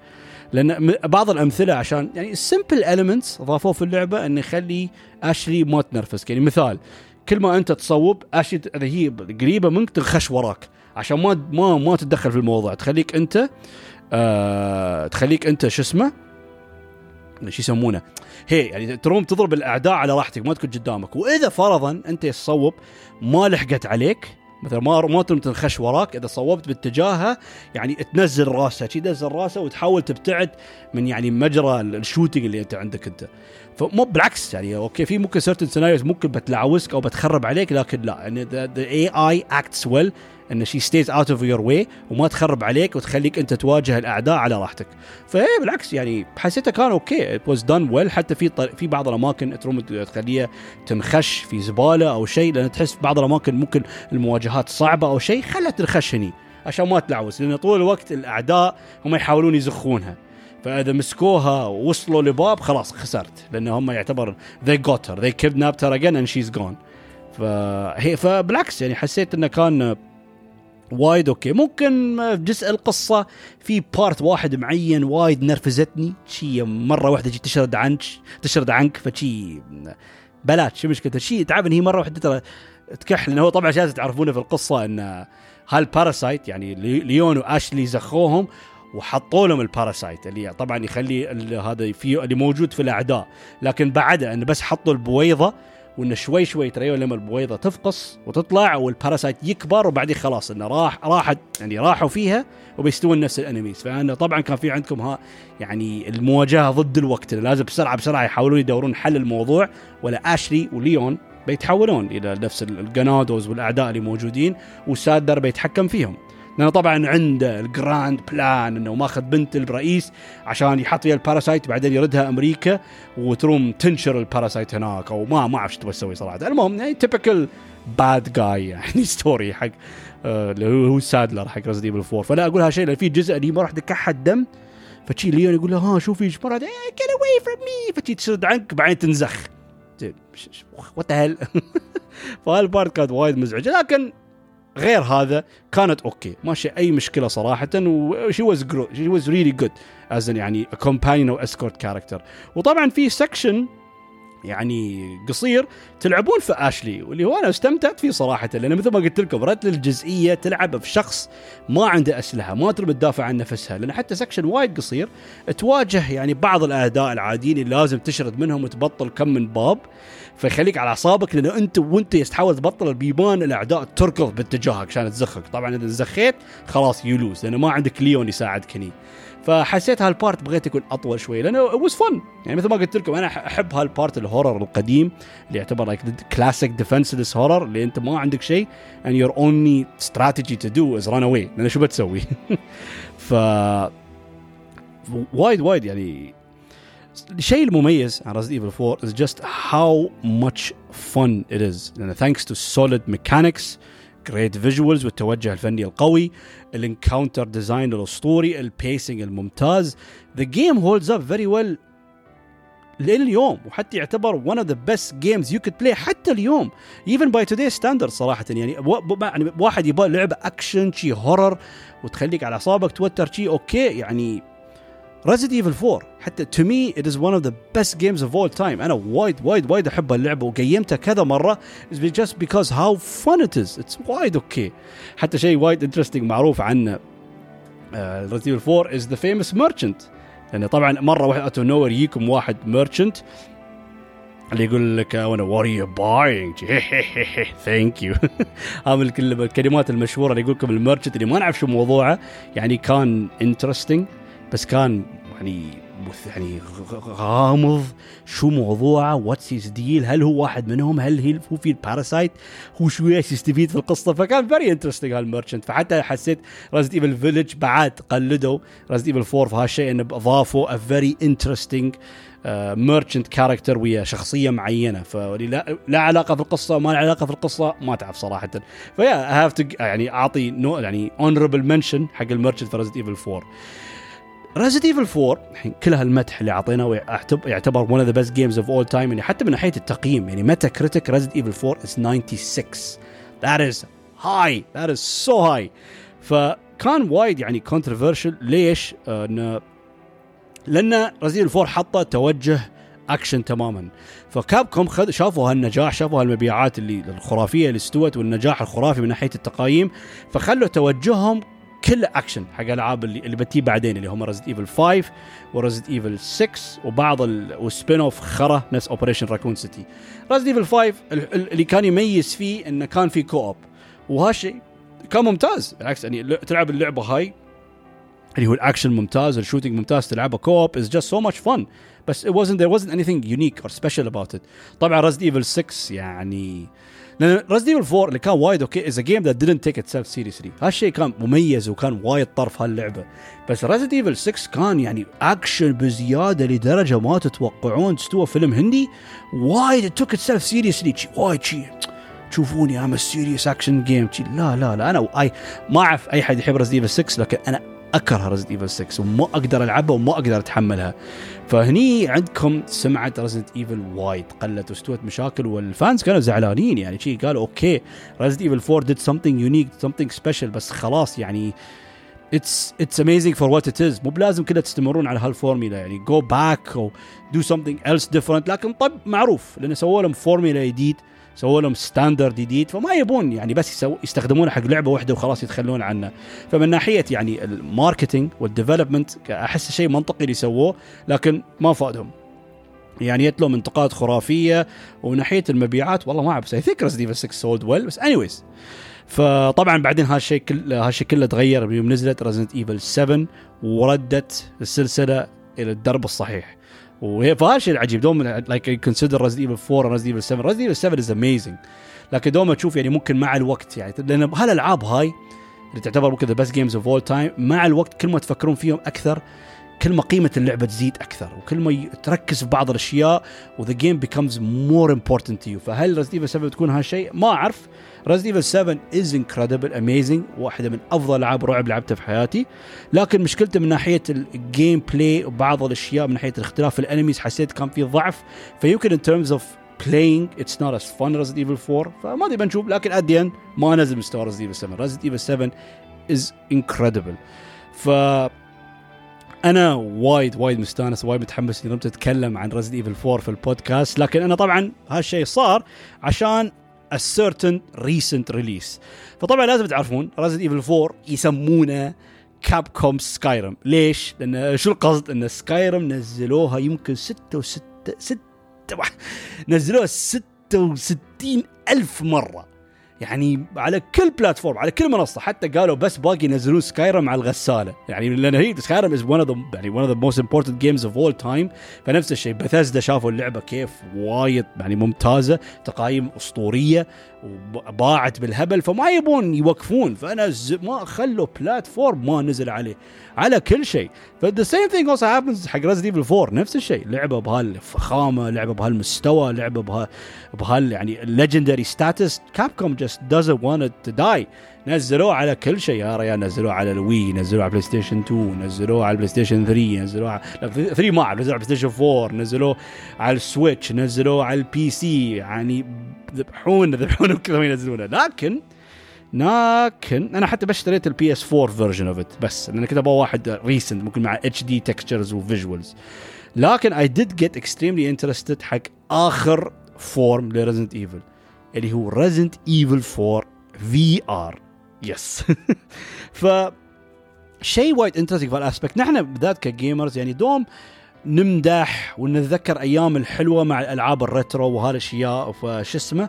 and how impressive they are. يعني حتى بهالأيام نقدر ونعز ال design مالهم ويعني النوستالجيا وهالأشياء. لكن مرات أحس يعني ما نعطي شوي attention more about the future يعني where do we want the future of gaming to go مو من ناحية الأفكار وهالشيء من ناحية ال technology من ناحية هالأشياء. يعني what's next يعني هال medium كيف ممكن يطرحون أفكارهم بطرق مختلفة بطرق جديدة. فيبالنا يعني بالذات الحين يعني أتذكر يوم يعني announce Resident 4 VR يعني يا هالشيء في بالي. فخليني بتكلم إنه we should talk more about the future لو إني أنا طبعا يتكلم يعني أنا أنا آخر يعني في النوستالجيا والألعاب القديمة أنا ما أقدر نقطة ضعفي. لكن بعد نفس الوقت يعني a person should look forward حق المستقبل لأن يعني الحياة كلها عن نقدر شو كان في الماضي ونستغل الوقت الحالي الحين ونطلع للمستقبل ف we should do that فذك هالشيء وايد حمس. ف of course the main يعني أتذكر يعني شو اسمه يعني لأن هو يعتبر شيء النهضة القوية عندنا من ناحية ال technology يعتبر حاليا ال VR ال VR يعتبر the main new high tech thing in terms of gaming لأن قبل كان عنده بعض الأمثال حق certain things اللي هو مثلا نفس ال motion sensoring camera نفس ال PlayStation EyeToy وال Xbox Kinect لكن كانوا مثيرين للاهتمام من ناحية الفكرة ومن ناحية كيف كانوا يبغون يطبقونه. لكن they just were not good أو they just didn't work. يعني مثلا لعبة رقص قدام هالكاميرا هاي. تحس التعقب ما كان صح تحس التحكم ما كان صح. حتى يعني أتذكر لعبت لعبة Sonic Free Riders على ال Kinect اللي أو انك أنت تاخذ وضعية ال snowboarding تحرك جسمك أو انك يعني أنك تتحكم في ال snowboard بحركة جسمك. اللعبة كانت خربانة اللعبه ما كانت تشتغل. يمكن بعض الناس يقول حرام ظلمتها لأن اللعبة كانت خايسة. بس أتذكر بشكل عام there was nothing impressive about it صراحة. لكن هالشيء مختلف تماما في ال VR where يعني صح إن أكثر التجارب اللي لعبتها على ال VR أنا قبل تجارب قصيرة تجارب خفيفة ألعاب بسيطة تحسون الالعاب الخفيفة التجريبية تحسون تحصلون في ال arcades لكن they worked perfectly. كانوا يشتغلون بإتقان ولدرجة أحسن ما تتوقعون. حتى من ناحيه ال immersion حتى أنا بعرف كلمة immersion بالعربي شو اللي تحس عمرك الإندماج مو طبيعي. لأنه صدق صدق the technology works so well يوم تلبس عندك تلبسون ال goggles وتلعبون تحس عمرك صدق داخل هالعالم داخل هاللعبة. يوم تلف وتطالع شيء يعني حتى درجة يعني يسبب لك يسبب لك motion sickness from how real it feels شعور غريب تحس تحس مخك ما يستوعب شو السالفة وراسك يدور يا ريال. فأنا لعبت وايد VR games using the HTC Vive اللي أنا عندي إياه. ويا أخي it's so much fun how the technology is وكيف دقيق. يعني ال controllers اللي تستعملهم اللي هم اللي تستعمل عندك واحدة بيد بيدك اليمين ويدك اليسار دقيق. يعني الحركة بالضبط متقنة ودقة تامة.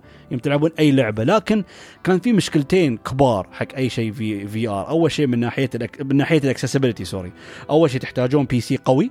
عشان تشغلون هالالعاب المعينة هاي. والشيء الثاني بعد طبعا من ناحية سالفة عشان you set up ال VR لأن بالذات تتكلم عن HTC Vive لازم تركب لك stand تركب لك كم stand اللي يص... اللي الكاميرات sorry على ستاندات معينة عشان يصور لك المكان أو يسوي record أو scan المكان اللي بتلعب فيه. ومليون ألف كيبل حتى يوم تلعب تعرف كل كيبلات ممكن تدوس الكيبل عادي مرة واحدة الكيبل يخرطفك بطيح على وجهك يعني. فما كان مريح ما يعني كان مزعج شوية. بعدين الجماعه في Oculus جابوا لنا حل وحلوا المشكلة هاي اللي نزلوا ال Quest اللي كان standalone VR system يعتمد كليا على نفسه.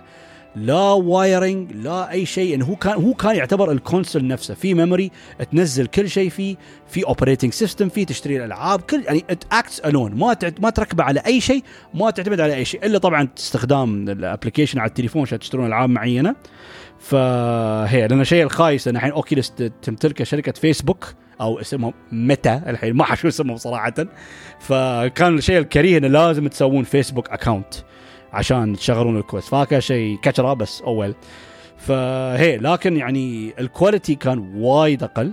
ما بعرف إذا وايد بس ال quality أقل عن من ناحية ال resolution أقل من ال HTC Vive لكن كان worth compromise ما عليه يعني worth عادي خلي ال quality يكون أقل. لكن عندي الأريحية أن ألعبه بهالطريقة هاي وكان مريح جدا وكان يعني شو اسمه آه وايد شيء عجيب. إني أنا ألعب VR من دون صدعة الرأس إني أركب كل هالخرابيط وكل هالبلاوي. ف was incredible ك technology كان شيء مو طبيعي. أنا ما كان وطبعا الحين آخر version اللي هو ال Quest 2 وأنا ما عندي إياه. لكن عيال الكلاب في Capcom طبعا معروفين لازم ينزلون مليون ألف version في Resident Evil 4 قالوا الحين بننزل Resident Evil 4 VR وأنا ما ربط قوم أحمد شو سوى؟ أول ما أعلنوا لا مو أول ما أعلنوا أول ما قالوا release date شهر 10 أحمد شو سوى؟ شهر 9 اشترى Oculus Quest 2 يا والله صدق مرات يا أخي أضحك على عمري. ما أقدر أقاوم يا جماعة والله. ف بس الشيء الممتاز اللي فيه لو يعني عندكم الأريحية انه كيف سهل استخدامه ومو يعني ما بقول لكم رخيص لكن مقارنة في other يعني H يعني ال VR headset أرخص. يعني ال HTC sorry Oculus Quest 2 كان سعره حوالي 1600 1500 وحق هال technology ومع memory 256 GB. والله good deal good bargain وأحس بعد ممكن true لأنه الحين سمعت في كلام في version جديد بينزل من ال Quest اللي هو اسمه Quest Pro فأكيد بيرخص سعر ال Quest 2 ف is Quest 2 worth it يوم بتحصلون deal ممتاز عليه صراحة هي لأنه صدق يعني just playing with بهالطريقة هاي لا كيبل لا set up ولا شيء بس else آه، شو اسمه شغل الجهاز وانت بس التضبيط يباله يمكن مجرد ثواني خلاص انت جاهز يلا العب. حتى تروم تلعبه وانت واقف تروم تلعبه وانت جالس يعني استخدامه مريح جدا. وهذا مو معروف ابدا في ال VR لأنه سالفه عشان تشغلونه وتلعبونه. ف هي فا okay. يعني أحمد أنت الحين ما أعرف كم مرة مقيم أنت Resident Evil 4 مليون مرة. شو الحين مختلف إنك تلعبه في VR طبعا أنا لازم أذكر قبل أنا لعبت VR مو أول تجربة في Resident Evil VR لعبتها لأن لعبت Resident Evil 7 VR اللي كان شيء خرافي وشيء مخيف. بس اتذكر ال set up مال ال PlayStation VR بعد كان مزعج ما كنت حصلت مكان مناسب اروم العبه آه كنت اروم أدبر مكان بس ما أعرف شيء أتذكر شيء ألهاني وما ما كملت صراحة. وال quality مال ال PlayStation VR كان ما مو بشيء وايد تعيس. يعني يعتبر في السوق أضعف quality لل VR هو ال PlayStation VR يعني Oculus Quest 2 لو انه أقل عن ال Vive لكن ال quality ماله is just right it's good يعني ممكن نوعا ما أنا أقول لكم lower شوية ممكن blurry لأني أنا جد مجرب يعني headset VR وهي resolution قوي جدا. ف ما خلصته لعبت بس جزء من Resident 7 VR كانت تجربة مخيفة جدا. بس أتمنى كنت أبغى أكملها بس ما أعرف يا أخي شو صار ما كملته صراحة. فهي where to begin يعني بس starting the game وأشوف عمري أنا داخل Resident Evil 4 يعني من أكثر ألعاب أنا أحبها في حياتي. يعني فتشي طاح الأرض يا جماعة آه يا طالع فوق طالع يمين طالع يسار. يعني I can't believe how well made this game is. الشيء المبهر صراحة لازم اعطيه يعني الثناء المو طبيعي حق الشركة اللي سوت اللعبة هاي إن how everything is considered to maximize the VR experience. يعني من ناحية ال convenience of control تروم تلعبون وقت قلت لكم تلعبون وأنتم واقفين تلعبون جالسين ومن ناحية ال motion طبعا ترومون تخلون مثلا شو اسمه ال motion ترومون تحركون full motion أو ترومون تخلون مثلا teleporting ومن ناحية التلف تروم تخليه مثلا كاميرا متقطعة. ليش؟ لأن في بعض الناس راسهم وايد يدور صراحة. أنا الحمد لله راسي أنا ما كان يدور. يعني ممكن ألعب فترة معينة راسي يدور لكن يوم ألعب أول ساعة ساعتين I'm fine فأنا خليت من ناحية ال movement full immersive إني أنا أتحرك full control يعني شيء ما ما في أي تقطيع ما في أي شيء. فهالشيء كان ممتاز وايد. okay حتى أنت بعد تروم تحدد مثلا سرعة ال movement. يوم تلف يمين تلف يسار تروم تخلي الحركة سريعة الحركة بطيئة تعامل مرات يمكن الحركه وايد سريعة شيء wow. لأن الشيء الوايد عجيب لأن صدق مرات أحس في ال VR لأنه ممكن مرات يعني إذا تكون حركه وايد سريعة مرات مخكم ما يستوعب هالشيء فهني يستوي لكم هالدوار تجيكم هالدوخة هاي. ف it's incredible how technology works لدرجة ان هل أقول لكم ليش التكنولوجيا مبهر؟ لأنه because it feels so real ال immersion فيه مو طبيعي أحس يقص على مخكم. فهذا يسبب هالدوخة هاي. فيعني وايد okay كيف عندكم هال controls انه يصمم طريقة إنك ترمون تلعبون بأي طريقة. يعني حتى اللي راسه يدور يروم بيدش في ال settings يضبط the perfect settings عشان يقدر يلعب وما يدوخ راسه ما يدور ويلعب وهو مرتاح. ف والشيء الثاني بعد من ناحية ال immersion من ناحية يوم تستخدمون أس... تستخدمون اسلحه لأن كان في two different mode صراحة. في mode معين كيف إنه مثلا تحس سلاح دوم في جيبك. فتشي تستعمل يدك اليمين تحط إيدك شي على طرف وتطلع السلاح وشي حتى ممكن تفرونه وتمسكونه. وحتى ناحية ال reload يعني ممكن تطلق تطلق تطلق لكن ال reload لكن يكون بنفسك. جي... مثلا جيبك اللي على اليسار تطلع الذخيرة وأنت بروحك يعني manually تدخل الذخيرة في السلاح وبعدين تشحن السلاح تشك تشك. فيعني it was so cool. فهالشيء كان وايد immersive شيء وايد طار. I just loved how حتى إنه مثلا لو حطيت مثلا إيديك على صوب يعني صوب صدرك الجهة الجهة اليسرى تطلع ال knife وتطعن. أو ممكن لو حطيت إيدك على كتفك اليسار تاخذ ال healing items فشي تحسون كأنك انت يعني يعطيك الشعور كأنك أنت لابس هال vest فأنت تصير تستخدم هالأشياء اللي اللي موجودة رابطة على لبسك أو حاطينها على لبسك انه هو حاط حاط يعني السكينة على صدره وحاط ال healing item على كتفه. فهالشيء كان وايد okay. طبعا أنا بكون صريح وياكم أنا ما سويت هالشيء. خليته يعني more control أنا أستعمل buttons certain buttons عشان أتحكم من ناحية هذا لأن حسيت ببعض لأن قلت لكم كيف Resident Evil 4 is just very intense فحسيت ببعض المواجهات بتوهق ما بعرف شو أسوي. فقلت لا لا. حلو ال immersion لكن خلي يكون عندي more traditional controls لأن أعرف بتوهق في بعض المواقف صراحة. فوايد عجيب يعني حتى حتى يوم تستعملون ال shotgun كل ما تطلقون لازم ترى دا ف it's so badass وايد طار حتى لدرجة يعني كذا ما يعني they considered everything حق ال VR لأنه عندكم معروف كل لعبة Resident Evil يوم تسيف لازم على typewriter فيوم تسيفون تكتبون اسمكم شي أنتم بايديكم تدقدقون على ال keyboard وتكتبون اسمكم وتدقون على enter ف even in the smallest of things بعد حطوا هالشيء في الاعتبار إنه يزيدون على ال immersion ويزيدون يخلونك صدق صدق تحس إنك أنت داخل اللعبة. مندمج لدرجة مو طبيعية. it's آه so good وأنا يعني وكل ما أوصل منطقة جديدة من ناحية ال village ومن ناحية المواجهات وأماكن معينة سيناريو معين القلعة وال island فأنا يعني I'm inside one of my best games ever من أحلى الألعاب أكثر الالعاب مفضلة عندي أنا. أنا شي داخل اللعب أنا داخل هالعالم اطالع فوق اطالع يمين اطالع يسار أركز على كل شيء أدقق على كل شيء. It's just so cool so good يا أخي. ف you guys remember يعني قلت لكم انه كيف اللعبة tense تخليك على أعصابك. في ال VR it's worse لأنه هالعدوانية هال aggressiveness اللي تشوفونه في الأعداء تشوفه بوجهك يعني يوم يركضون يونك بوجهك والله الحبيب يي يدخل وجهه في وجهك ويعطي الفاس على وجهك فيعني شي مرة واحدة بالذات يعني بالذات يعني في ال first area هال village part اللي قلت لكم أول مكان اليوم يحاصرونك في القرية كيف intense في VR shit يا ريال وايد أخس. لأن صدق يعني طول الوقت. أنت تركض تسمع شي الأعداء وراك يركضون وراك. وطبعا أنا العب ال VR أستعمل headsets لأن ابا ال immersion يكون full لأن في سماعات الصغار تابعين ال Quest 2 they're good لكن أنا طبعا كنت لازم ألبس سماعات خاصة closed وها عشان فعلا أحس بالأجواء وأحس عمري إني داخل اللعب. ما بشيء ما بسمع أصوات برا ما بشيء يخرب علي. فيعني يوم أركض بال VR أسمع أصوات وراي اسمعهم يركضون وراي فجي مره واحدة الف ورا شي اطالعهم وراي وأنا أكمل أركض يعني لأنه صدق حي لازم بسرعة أحاول أدور مكان أنخش فيه it's so intense it's so cool it's so crazy يعني يعني أنا هاي اللعبة وايد أحب ألعبها. فعندي هال new perspective new way to play it it was so goddamn cool وايد وايد طر يا أخي. يعني حتى مثل ما قلت لكم هال opening village part كيف intense في اللعبة العادية ما توقعته يعني ممكن يوصلون لمرحلة أو درجة جديدة من الإثارة ومن يعني الرهبة ومن الرعب. من ناحية قشعريرة وشي تتوتر. حتى يوم خلصت شيء like oh عرقت يا جماعة. والله أنا معرق. قلت؟ خليني أصير أسبح يا جماعة.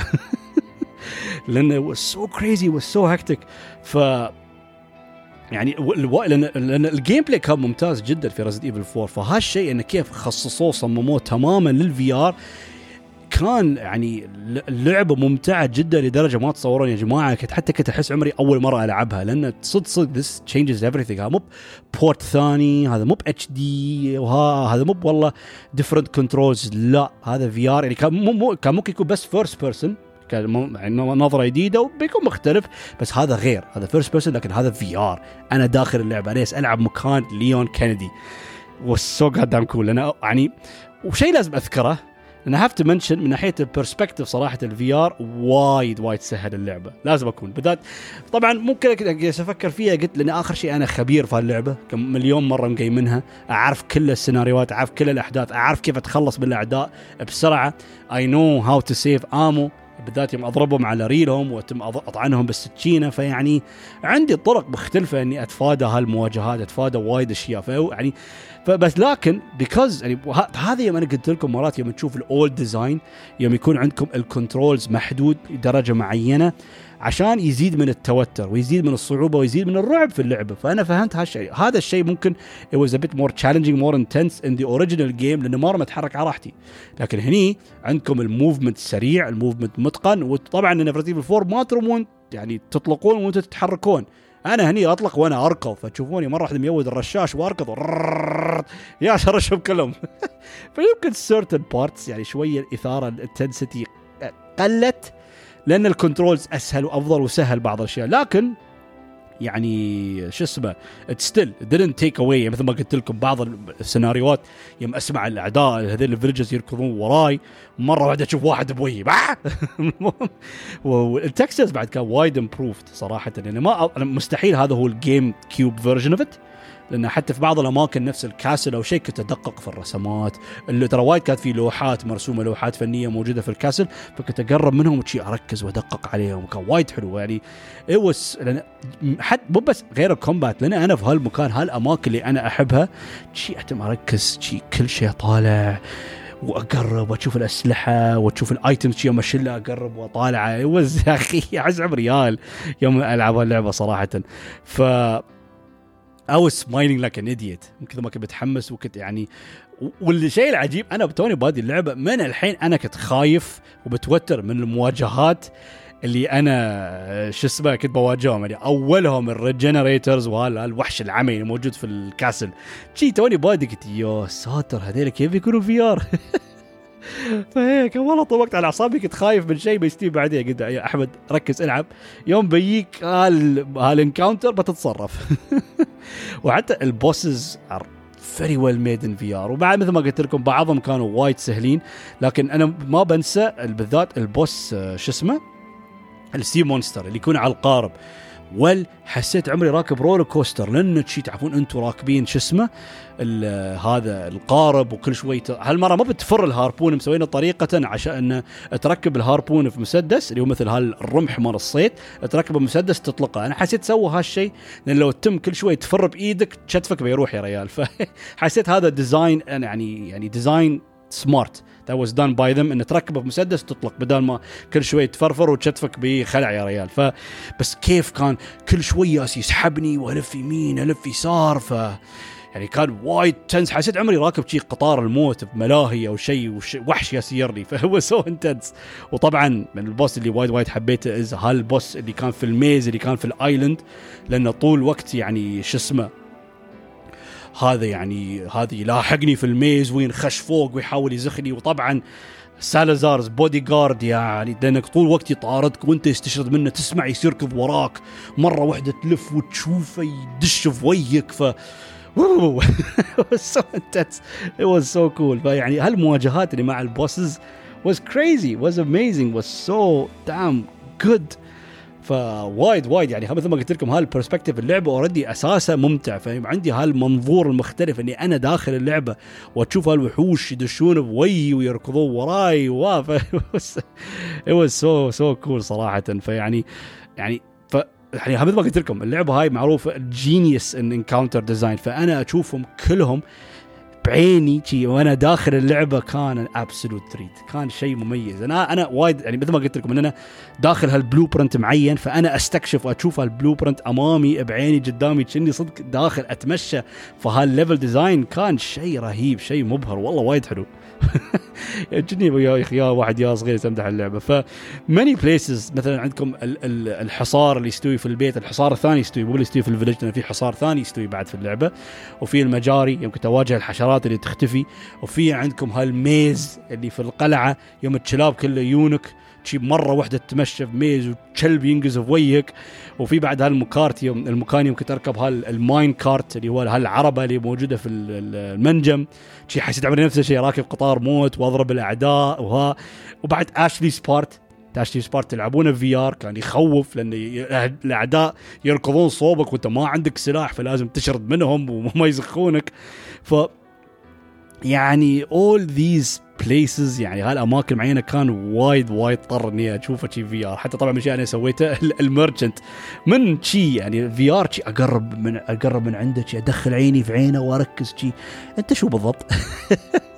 يعني هي مثل غير الإثارة يعني اخذت موضوع إني ألعب شوي ألعب اللعبه بطريقة عبط لأن تروم تحرك إيدك شوي تستهبل مرات ممكن شي تضرب enemy بعدين إيدك الثانية شي تسوي له حركة شي كمان تأشر له. يعني عيش الجو عيش الجو. بالذات هال platform just work so well ال controls متقن لدرجة مو طبيعية يخليك لأن ليون كندي آخر شيء عنده شخصية action hero فعيش الدور العب الدور اهجم وخل عمرك شي action hero بنفس ليون. صدق عمرك شوية. فهاي تعتبر أول لعبة VR كاملة أنا لعبتها. لأن العاب VR لعبتهم قبل كانوا ألعاب قصيرة. نفس قوم Beat Saber أو الالعاب الخفيفة اللي التجارب البسيطة اللي كان VR فحبيت كل ثانية في اللعبة. حتى انه صراحة كان شوي يعني متعب. ويرهق صراحة تلعب VR حق فترات طويلة. حتى أنا بعد فترة خلاص تعودت ما ما قامت تيني الدوخة ابدا. لكن تلعبون فترة قولوا أكثر من ساعتين أو ثلاث ساعات شيء متبنى تحس عمرك شيء wow شوية تبغى تريح راسك. يعني because the immersion is so real صدق صدق الأجواء الاندماج شيء مو طبيعي شيء قوي جدا يأثر عليك ويتعبك صراحة.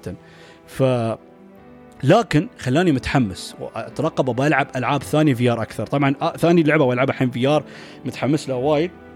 اللي هي اللعبة الوايد مشهورة اللي هي Half-Life Alyx يعني حتى وايد ناس يعتبرون ممكن Half-Life Alyx ممكن يعني من ناحية ال controls يو لعبة ضبطتها وأتقنت ال controls VR وال immersion قبل Resident Evil 4 لكن أقدر ألعبه على اتش تي سي 5 لكن مثل ما قلت لك يبغى سالفة يبغى ادور وقت المناسب إني أنا ألعب آه، شو اسمه؟ ها لكن بعد Evil four صراحة تحمست أكثر.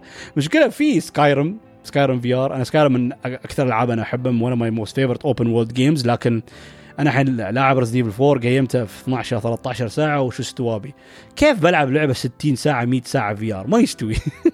ففيها المشكلة الصراحه في يعني VR ف it was crazy. يعني دوم أفكر فيها. يعني المواقف والكات تسوي كان شيء وايد طر وايد حلو. في بعض العيوب ال cutscenes يوم تشوفهم ما مو VR يعتمد شاشة السينما فما ما كان يزعجني أنا صراحة حسيته وايد عادي ما يخرب.